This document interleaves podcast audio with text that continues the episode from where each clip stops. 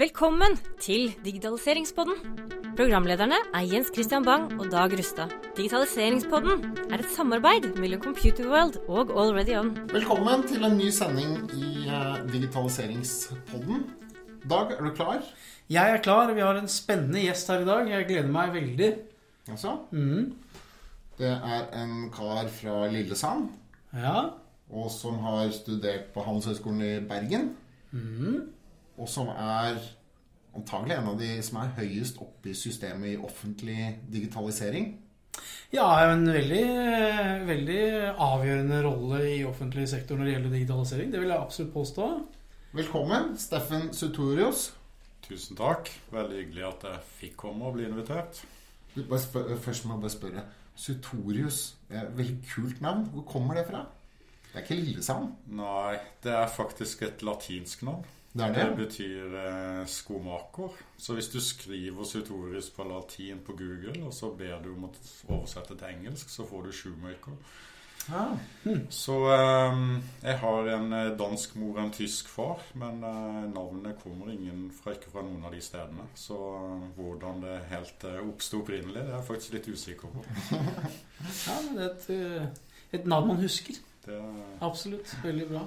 Du, du har drevet både med boksing og fotball, for å snakke om noe som ikke er IT først.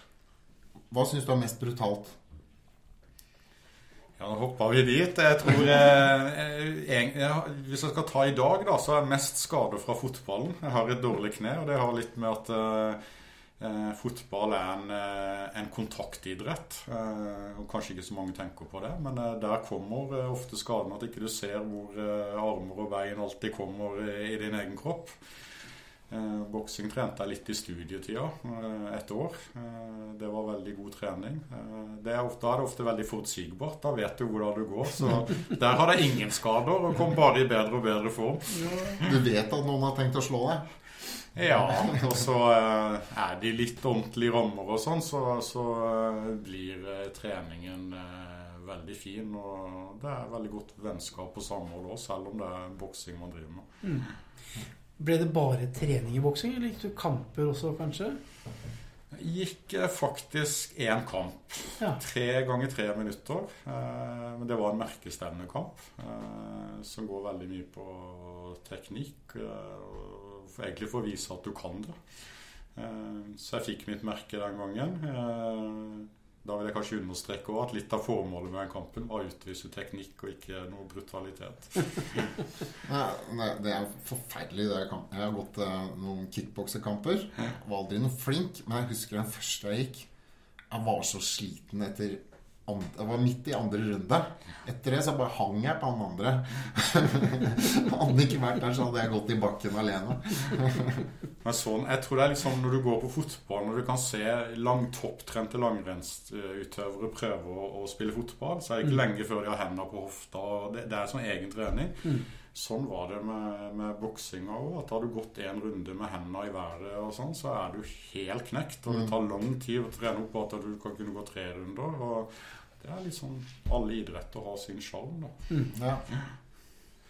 Andre interesser? Jeg har alltid vært bilinteressert. Ikke det at jeg kjøper og selger så mye bil, men alltid vært interessert i det av en eller annen grunn. Ja. Jeg er generelt sportsinteressert. Det er riktig. Så eh, uten at eh, noen av tingene er en sånn veldig stor hobby. For de som kanskje ikke vet det allerede, du, du leder jo Difi. Uh, og Difi er jo en, en, en viktig, har en viktig rolle i, i offentlig sektor, og digitalisering ikke minst. Men, men eh, eh, kan du fortelle oss litt mer om, om Difi? Eh, hva er Difi? Hvem jobber der? Hva gjør dere? Difi eh, har, tror jeg, eh, kanskje Norges mest interessante samfunnsoppdrag. For Difi har en rolle i at eh, samfunnsoppdraget til Difi er å fornye og omstille offentlig sektor.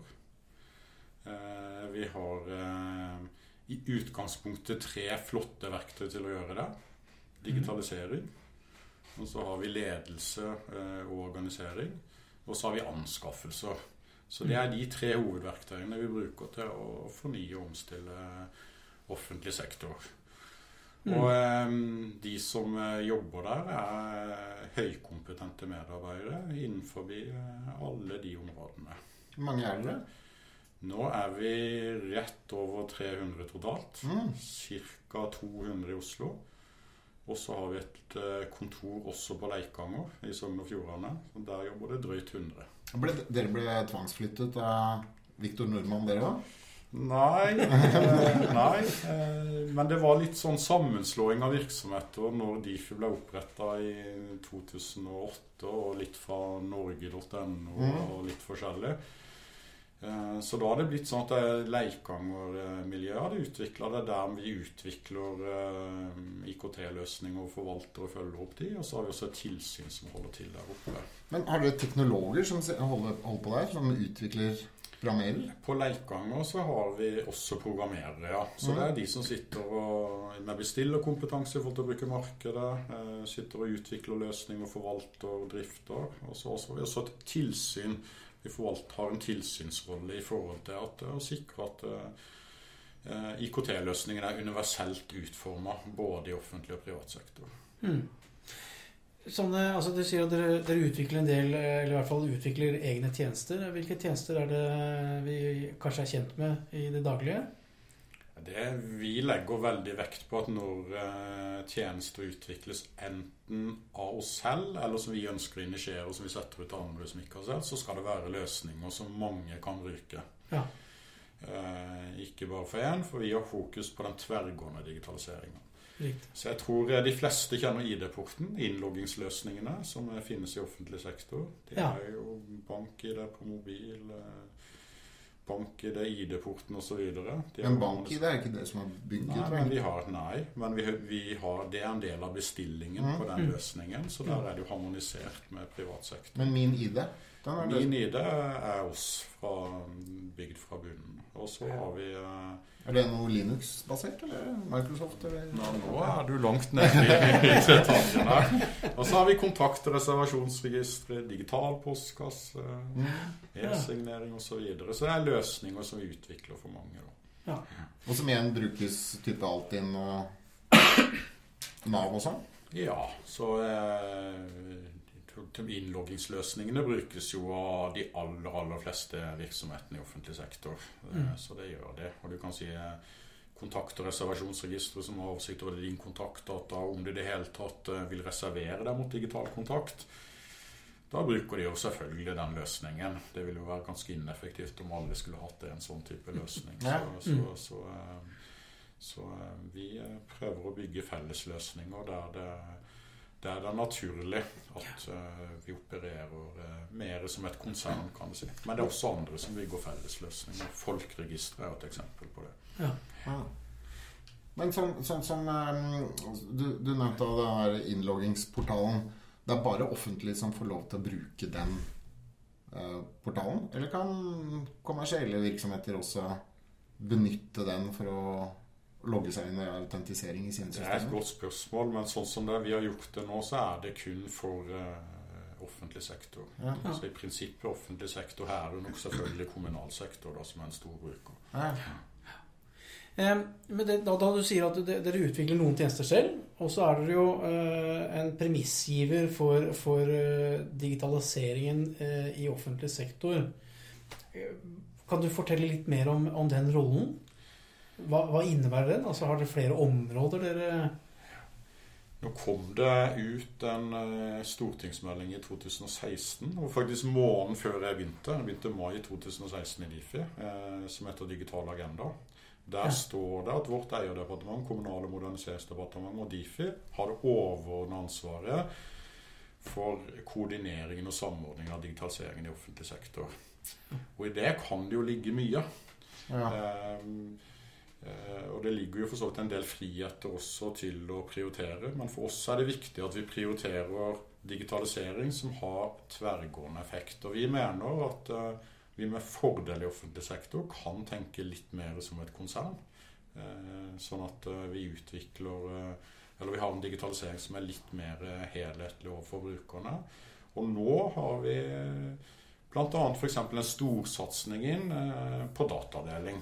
Og vi ønsker at vi får delt flere data, gjort det på mer standardiserte måter. Både i offentlig sektor og også mellom offentlig og privat sektor. Det høres ut som et utrolig spennende prosjekt. Um, når du da sier deling av data, hva slags type data eh, tenker du da på? Vi har eh, en oversikt i dag over eh, data som i teorien kan deles uten at det er noe problematisk, altså litt åpne data. Og vi vet i dag at eh, ca. 10-15% av de dataene som ikke er konfidensielle av noen art, de kan deles. Så det er fortsatt 85-90% som ikke deles. Og som ikke er personsensitive. Eh, så det er viktig at vi får fart på datadelingen. Eh, for det eh, er en helt grunnleggende forutsetning for at eh, du og alle andre innbyggere skal få brukervennlige tjenester. Ja. Eh, Og at vi sikrer at, at eh, vi får en litt mer helhetlig digitalisering. Skal vi klare f.eks. å oppnå målet i digital agenda om at hvis du har gitt informasjon fra deg én gang, så må vi kjenne det til det på tvers av offentlig sektor. Da må vi dele data og kunne sy det sammen på en måte som gjør at eh, vi er kjent, alle er kjent med at dine opplysninger er lagt ut en gang. Mm. Men eh, du nevnte også at det skulle være et prinsipp da om at hvis data kan deles, så skal det deles. Jeg mener at eh, hvis du, du del eh, hvis du kan, Ja. så hvis det er åpent. Og hvis det er mer konfidensielle data, så betyr ikke det at ikke de kan deles mellom noen. For det vil alltid være noen som har eh, rett og tilgang på noen data, også konfidensielle. Men da kan vi kanskje også sikre at de deles på en måte, men som også ivaretar konfidensialitetsprinsippet. Ja. Så sensitive data kan, som du da er anonymiseres og kunne brukes til annen type behandling enn direkte én-til-én, kanskje, men analyser... analyse Ja, det kan man også tenke seg. at eh, Hvis man ikke bare ser på deling av data, men hvis man ønsker å analysere data, ta i bruk kunstig intelligens, eh, andre typer analysemetoder, så kan man jo anonymisere data ved å ta vekk f.eks. navn og fødselsnummer. Hvis det knyttes mot sensitive opplysninger som eh, helsedata, gjeld eller andre ting man ikke ønsker at eh, andre skal få vite noe om. Mm. Ja, sånn at man forstår mer om populasjonen da, i Norge. Ja, det, man, eh, det vil jo være veldig mange områder som eh, er kanskje litt sensitive av karakter, men hvor man kan ønske oss å finne noen årsakssammenhenger uten at navn og fødselsnummer og alt blottlegges. Mm. Så da kan man tenke at man eh, gjør analyse på i utgangspunktet litt sensitive data, men vi trekk, tar ut eh, de delene som er sensitive, for å gjøre det mer anonymisert. Dette er et prosjekt dere er i gang med.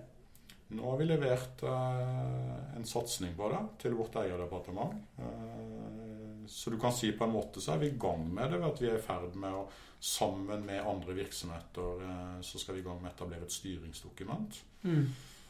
Og så håper jo jeg at eh, satsingen vil materialisere seg i, i budsjetter og andre typer virkemidler som er nødvendig for å få fart på det fra 2020. Er det, er det riktig å, å, å si at um, med et sånt slikt type prosjekt så må det være en eller annen um, et organ som, som har kontroll på disse dataene og distribuere dataene i, i, um, i riktig, riktig formater og riktige tilgangsnivåer osv.? Er det riktig å, å antyde, eller vil det være en annen modell? Man kan tenke seg flere modeller, men jeg tror at når vi skal etablere en, eh, også en felles infrastruktur på dette området, så tror jeg det er viktig at noen kan gå god for at den infrastrukturen er pålitelig. Mm. Og det kan eksempelvis være Difi som gjør det. Uten å si at det, skal- ikke nødvendigvis være vår løsning, men vi kan være god for at den er. Mm. Eh, og i den infrastrukturen, i tillegg til den tekniske delen, så tror jeg det er viktig at vi har personlige ressurser som kan etablere rutiner og prosedyrer for hvordan vi deler data på en god måte. Mm.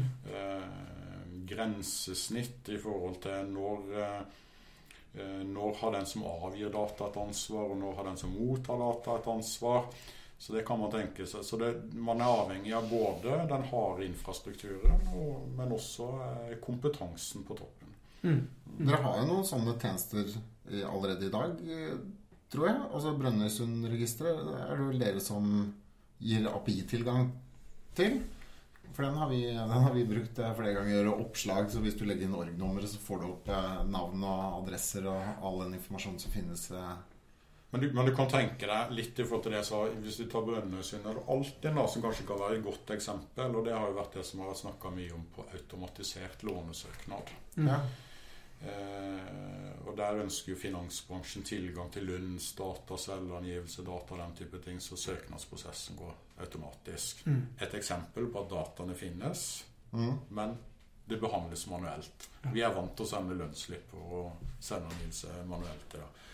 Og da har man ordna det sånn at eh, finansnæringens på sin side, når de mottar data, så har de ordna det der at eh, det er ikke sånn hver enkelt bank lager sine prosedyrer og avtaler. Der har liksom Finans-Norge stått Ja. som en mottaker der. Og på samme måte så har de som har avgitt data, sørga for at det er enhetlig og ryddig der. Mm. Og det er jo en måte eh, å sikre at du får en distribusjon én til veldig mange, men du rydder litt grann i prosedyrene som gjør det mye enklere både å være avgivende part og mottagende part. Mm. Så da sier f.eks. Finansmålet at de dataene vi mottar, de går vi god for. Det kan det bare dere i bankene bruke, istedenfor at alle gjør det én og én. Sånn som Ja. det er litt Mm. Riktig. Men sett sånn, jeg bare tenkte Hvis noen skal slå opp noe data om meg, da hvor mye jeg har gjeld, eller hvor mye jeg har tjent, eller eh, er, er ikke det noe som burde vært ett og ett oppslag da jeg godkjenner hver enkel, uh, hvert enkelt oppslag da, i, forhold til, eh, til banken? Er det sånn det er tenkt, eller er det tenkt at uh, alle får Altså alle som er finansinstitusjoner, skal ha tilgang til all informasjon? Eller blir det nyansert? I den løsningen som nå ligger i dag på det området, så er den samtykkebasert. Ja. Så du må gi et aktivt samtykke. Hver gang. Eh, nå må du gjøre det, ja. Ja. Eh, og så er det selvfølgelig at eh, hvis vi skal få effektive prosesser i fremtiden, så tror jeg at eh, det er ikke ønskelig at alt skal være samtykkebasert. Det er ønskelig at vi får dette litt mer i strømlinjeform, at regelverket ikke stiller krav til at alt skal være eh, samtykkebasert. Eh, Mm. Men det er den måten man har gjort det nå for å komme i gang med den løsningen, tror jeg. Eh, Litt raskt og sikre at man ikke eh, gjør noe galt. Ja, men en, for eksempel i en lånesøknad Mm. så vil det jo sikkert være greit med, med samtykke, for da er man jo liksom i en prosess, og da er det jo brukeren selv som starter opp den prosessen. Mm. Ja, og da gir man jo samtykke til at man kan innhente data eller opplysninger for å kunne behandle søknaden. Så, men igjen, da, som du sier, da er man jo på samtykke. Men det er ikke nødvendigvis at samtykke er en ideell løsning når vi får delt data i mye større volum enn det vi er i dag. For da er litt av tanken at eh, La oss si at hvis du får litt mer proaktive tjenester, da, istedenfor at du må gå inn på skjermen, søke om ting, Mm. om det er barnehageplass eller andre typer ting, så kan Mm. du tenke deg at du får tilbud om de tingene som er Ja. Da må du i stor grad eh, unngå at du nødvendigvis må samtykke hver, Mm. til hver prosess. Da, da blir jo det viktig. Absolutt. En av de tingene jeg la merke til eh, i Difi eh, Dere gjør jo, som du sier, flere ting. eh, men dere har også ganske stor på, på, på innkjøp.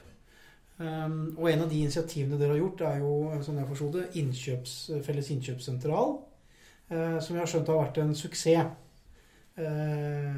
Eh, kan du fortelle litt om, om bakgrunnen og, og, og effekten ut av, av den eh, sentralen?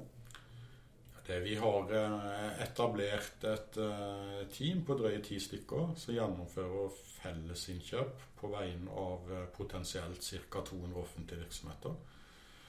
Eh, Tanken er at det skal være innkjøp som ikke er veldig virksomhetsspesifikt for de virksomhetene. Så det kan være alt fra veldig enkle ting som forbruksmateriell som toalettpapir, vaskemidler, kulepenner osv., kaffe, Mm. til litt mer kompliserte ting som PC-skjermer, PC og, og den type ting. Internrevisjon, eh, reisebyråavtaler og den type ting. Eh, og der oppnår man to effekter. Det ene er at vi har oppnådd ganske gode priser i forhold til stordriftsfordeler. Mm. Eh, Men så oppnår man en annen effekt òg, og det er jo at eh, hver enkelt virksomhet trenger ikke kjøre sin egen anbudsprosess. Du, du kutter jo teorien 200 Ja. anbudsprosesser og får en, en mye enklere oppfølging på det. Da. Så sier Oslo Economics at vi sparer 500 millioner i avtaleperioden, og vi sier eh, selv eh, litt grann høyere. Eh, Mm. Men det har vært gode besparelser. Og vi har ganske høy effektivitet på det senteret. Og så trer også at, at vi får en god anledning til å utvikle det videre, ettersom at det har gått hittil ganske bra. Men det som er interessant der, der har man jo tatt et veldig konkret grep på en rolle innen innkjøp, Mm. som vi snakker veldig mye om på digitalisering. Mm. Her, her gjør vi noe felles på vegne av offentlig sektor, Mm. der det ikke nødvendigvis er strategisk å få den enkelte virksomhet. Og på den, og jeg tror at i mye større grad så må vi tenke på samme måte Mm. innen digitalisering. Men når man har en sånn innkjøpssentral, blir, det- blir det enklere å være leverandør også? Også sånn at du slipper å også legge inn den samme de samme, samme papirene hver gang. Som Sånn skatteattest fra, fra skatt og, og alt dette. Men at du kan legge det inn liksom en gang og er liksom ferdig sertifisert, sånn at du bare konsentrerer deg om selve leveransen. Ja, det er klart at eh, eh, her, her gjør du det jo en gang på en kontrakt som potensielt kunne kanskje vært 180-200 kontrakter. Mm. Så du sparer jo den prosessen. Ja. Og så er det jo sikkert litt delte meninger, for vinner du, så vinner du mye. Og det er klart at taper du, så taper du. Så er det sikkert noen delte meninger rundt det. Men du sparer veldig mange transaksjonskostnader både på, både på offentlig side og privat side. Er det, er det Du sier at det er mulig at man utvider eh, dette initiativet.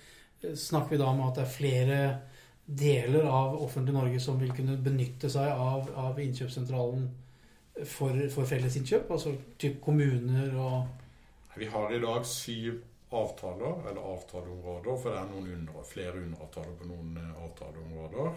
Det er ti personer. Mm. Hvis du tar Sverige, Danmark, Finland, så varierer eh, antall ansatte en plass mellom 30 og 80, tror jeg. mm. Eh, så Norge er nok eh, fortsatt litt sånn i startgropa der i forhold til en del andre land. Mm. Så det man tenker her, det er å utvikle andre avtaleområder Ja. som er felles for samme nedfall av kundegrupper. Riktig. Mm. Så det er ikke nødvendigvis ut, ut, altså utvide kundegruppene, men mer, mer områder. Ja, Ja, det er flere avtaleområder, rett og slett. Skjønner. Mm. Spennende. Absolutt. Jeg eh, vet også at du har eh, jobbet og drevet store eh, prosjekter. Altså, og da snakker vi store prosjekter, sånn jeg, sånn jeg forstår det. Utviklingsprosjekter. Utviklingsprosjekter. eh, og, og jeg må jo få lov til å Det er litt spennende det, å få vite litt sånn hvordan, hvordan pulsen og livet er i et sånn prosjekt som går på flere, kanskje flere hundre millioner eller milliarder. Altså, eh, ta med oss litt under panseret her. Jeg har jo en tidligere karriere fra Statens pensjonskasse. Jeg kan jo nevne ett prosjekt som vi kalte Perform. Eh, Da skulle vi implementere den nye pensjonsreformen Ja. inn i Statens pensjonskasse. Eh, Det var et prosjekt på akkurat 1 milliard, som gikk fra 2008 til 2012, Mm. med hovedvekt på 2009, 10 og 11. Vi sier ofte at det var Norges første ordentlig smidige prosjekt. Vi starta i 2008. Vi var eh, i Statens pensjonskasse per det tids var vi drøye 300 ansatte. Med full fart eh, godt ut i 2009. Ja. Så var vi 200 ansatte i prosjektet. Oi. To leverandører eh, og interne ansatte. Vi måtte skaffe lokaler. Kontraktstrategi, kravspekk. Eh, og inni dette prosjektet òg, så Vi visste at pensjonsreformen den kom fra en dato. Ja. Eh, vi skulle fornye det systemet vi har. Vi skulle automatisere prosesser, gjøre det mer brukervennlig. Eh, både ut mot brukerne og også internt mot saksbehandlerne. Eh, Vi skulle bytte ut infrastruktur, altså vi skulle bytte ut hele grunnmyren i systemet og mange ting som skulle gjøre. Men med 200 ansatte i sving på et prosjekt i en virksomhet som er 300 fra før, så var det hektisk. Men eh, hvis, hvis vi deler opp sånn, sånn som jeg Si at det koster 1000 kroner timen, da. Mm. Og så skal det koste en milliard. Og så en milliard delt på 1000, det blir en million timer. Det er mye å administrere. Og du var prosjektleder. Jeg, var, jeg bygde opp dette prosjektet i forhold til anskaffelsesstrategi og lokaler og, og det å få starta opp med Skrømteam og Alpakka i Mm. 2008. Og så gikk jeg inn i en eierrolle okay. fra litt ut i 2009. Da fikk vi ansatt en, eh, en eh, prosjektdirektør. Men det er klart at eh, veldig mye, selv om jeg også var avdelingsdirektør i linja, så var veldig mye av fokuset på dette prosjektet. Mm. Men sånn organisatorisk så har du en prosjektdirektør, og så har du flere prosjektledere under den prosjektdirektøren. Og så har du alle de som, som jobber med utvikling Mm. og systemering og design og testing og Det- som var eh, og, og du kan jo du, har- Prosjektet er så stort at du har ikke mulighet til å gå ned i detaljene og følge. Men det som var veldig fordelen med det, og som jeg husker som eh, et ganske godt minne, det var at eh, vi leverte noe hver tredje uke. Det var det vi hadde i det smidige prosjektet. det var delt opp i Skulle sprinter. Ja. Ja. Vi hadde sprinter på tre uker, eh, og så var det eh, Ja, det var leveranse etter to eller tre sprinter. Det var en ordentlig leveranse.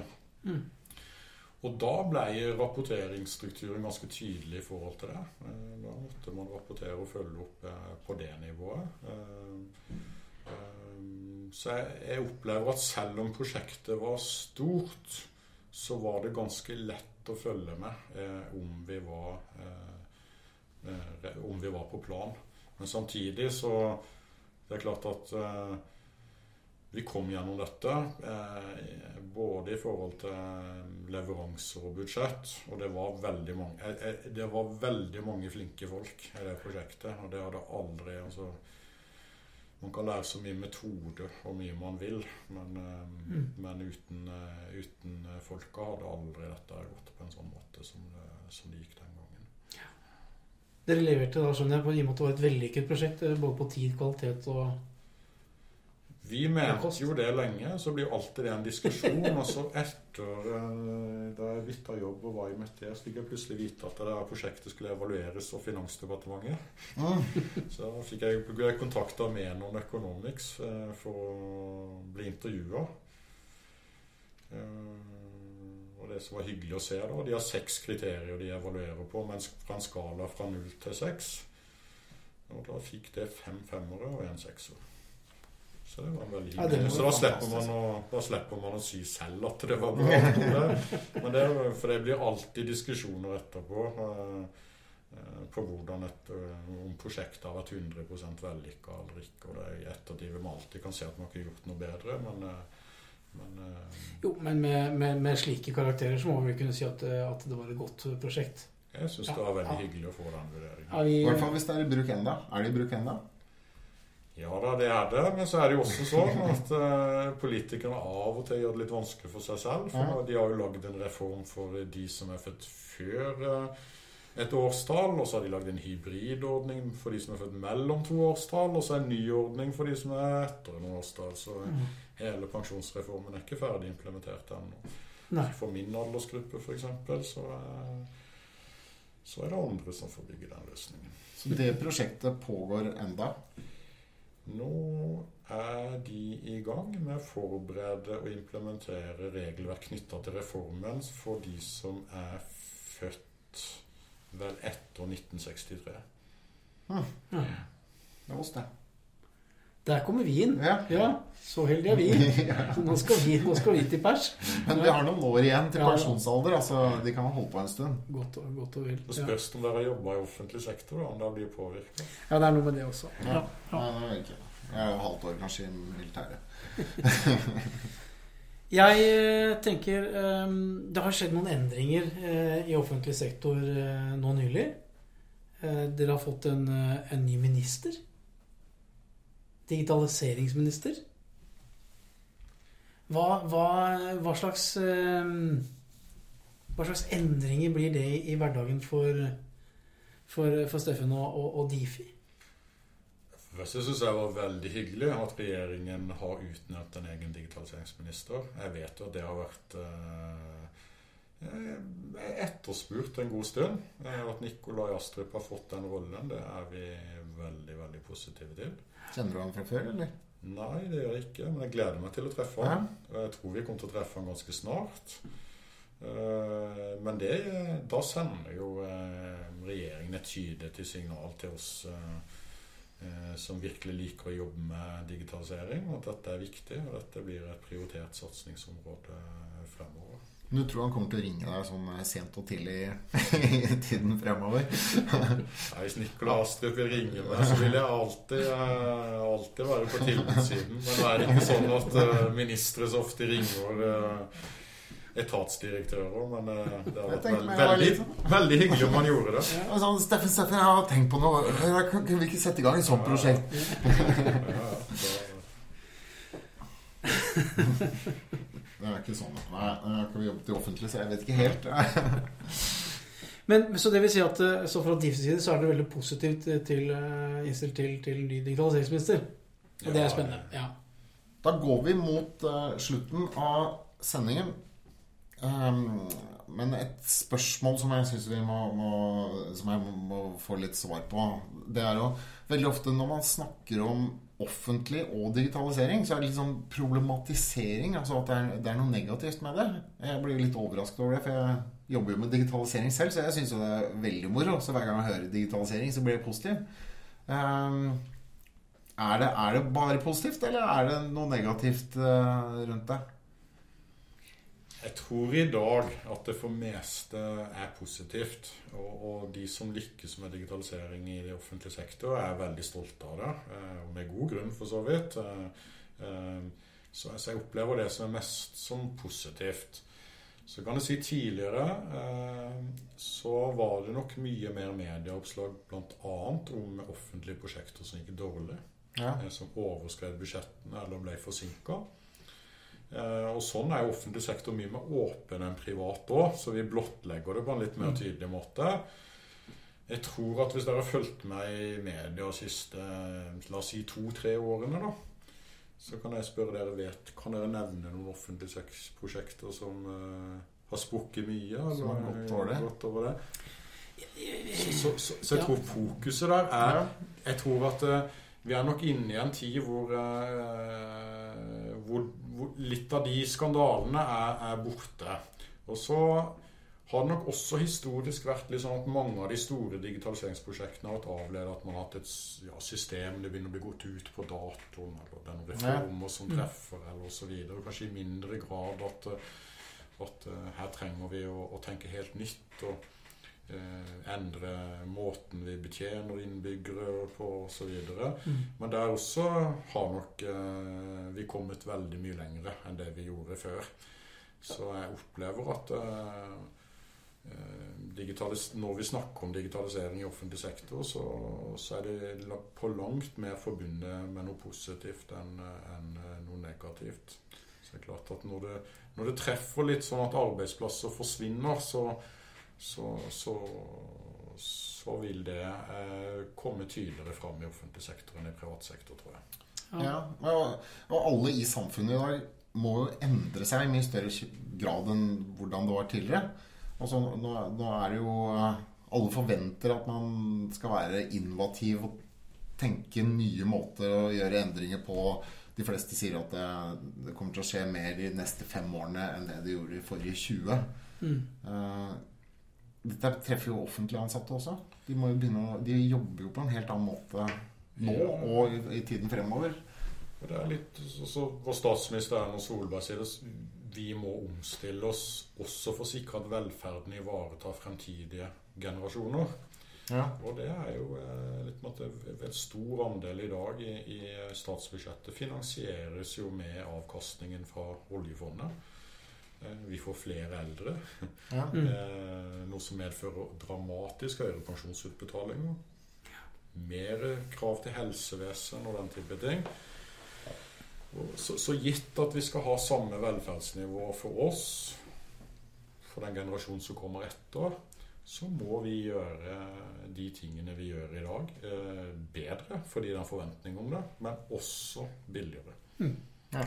Og så er det vel også sånn at eh, selv om man omstiller og kanskje arbeidsplasser blir borte altså, Vi har allikevel en ganske stabil arbeidsledighets... eh, her i landet. Så, så hvis det skulle være sånn at alle mista jobben sin, så skulle den skyte i været, skulle en tro. Men, men den har jo ikke det. Nei, det er vel tre, mellom 3 og 4 prosent.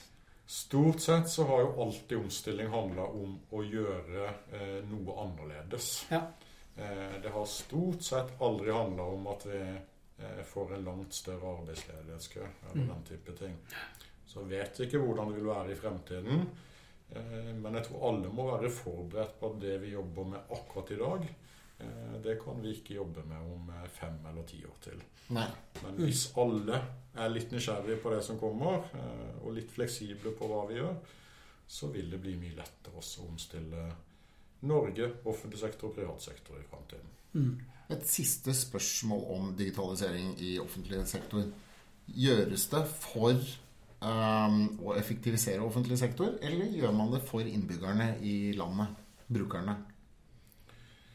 Eh, Vi gjør det jo for begge deler. Altså hvis du ser på digitaliseringen, så, så er det klart at når vi snakker om brukerorientering, så snakker vi om brukerne ute. Eh, At vi ønsker at de skal møte oss på en mye mer helhetlig og mer effektiv måte enn det de gjør i dag. Ja. Men samtidig så må jo vi også i organisasjonene være forberedt på at eh, de tjenestene vi tilbyr i dag, eh, må vi tilby mer effektivt. Mm. Men også bedre, for kravene vil øke enn det vi gjør i dag. Men eh, når vi snakker om brukerorienteringen, i hvert fall når jeg snakker om brukerorientering, så snakker jeg om de brukerne som er brukere av offentlig virksomhet. Ja. Som da plutselig har en tjeneste eller en åpningstid på 24 timer? Det kan man tenke seg, og det er jo eh, det vil si at kravene øker. eh, Både i forhold til åp altså du får bedre åpningstider, men kanskje at tjenesten blir bedre òg. Ja. Men den må leveres på en mer effektiv måte. Ja, for serveren skru- blir aldri skrudd av. Den står jo Nei, og det der. er jo litt sånn med fremtiden at servere, eh, roboter Mm. og litt forskjellig, de har en bedre utholdenhet enn det vi har. På godt og vondt. Har ikke behov for samme fritiden som det vi mennesker har. Nei, ikke mat engang. Så, så Vi skal nok fagorganiseres etter hvert. Ja. også. Nei, men det er bra. Eh, Da har i hvert fall jeg lært eh, en del nytt om offentlig sektor og digitalisering. Ja, som jeg nevnte innledningsvis, så gledet jeg meg veldig til dagens gjest. Og jeg må si at eh, han, han leverte. Ja, takk. Ja, takk. takk for dere. Takk for at du hørte på Digitaliseringspodden, levert av Computerworld og AlreadyOn.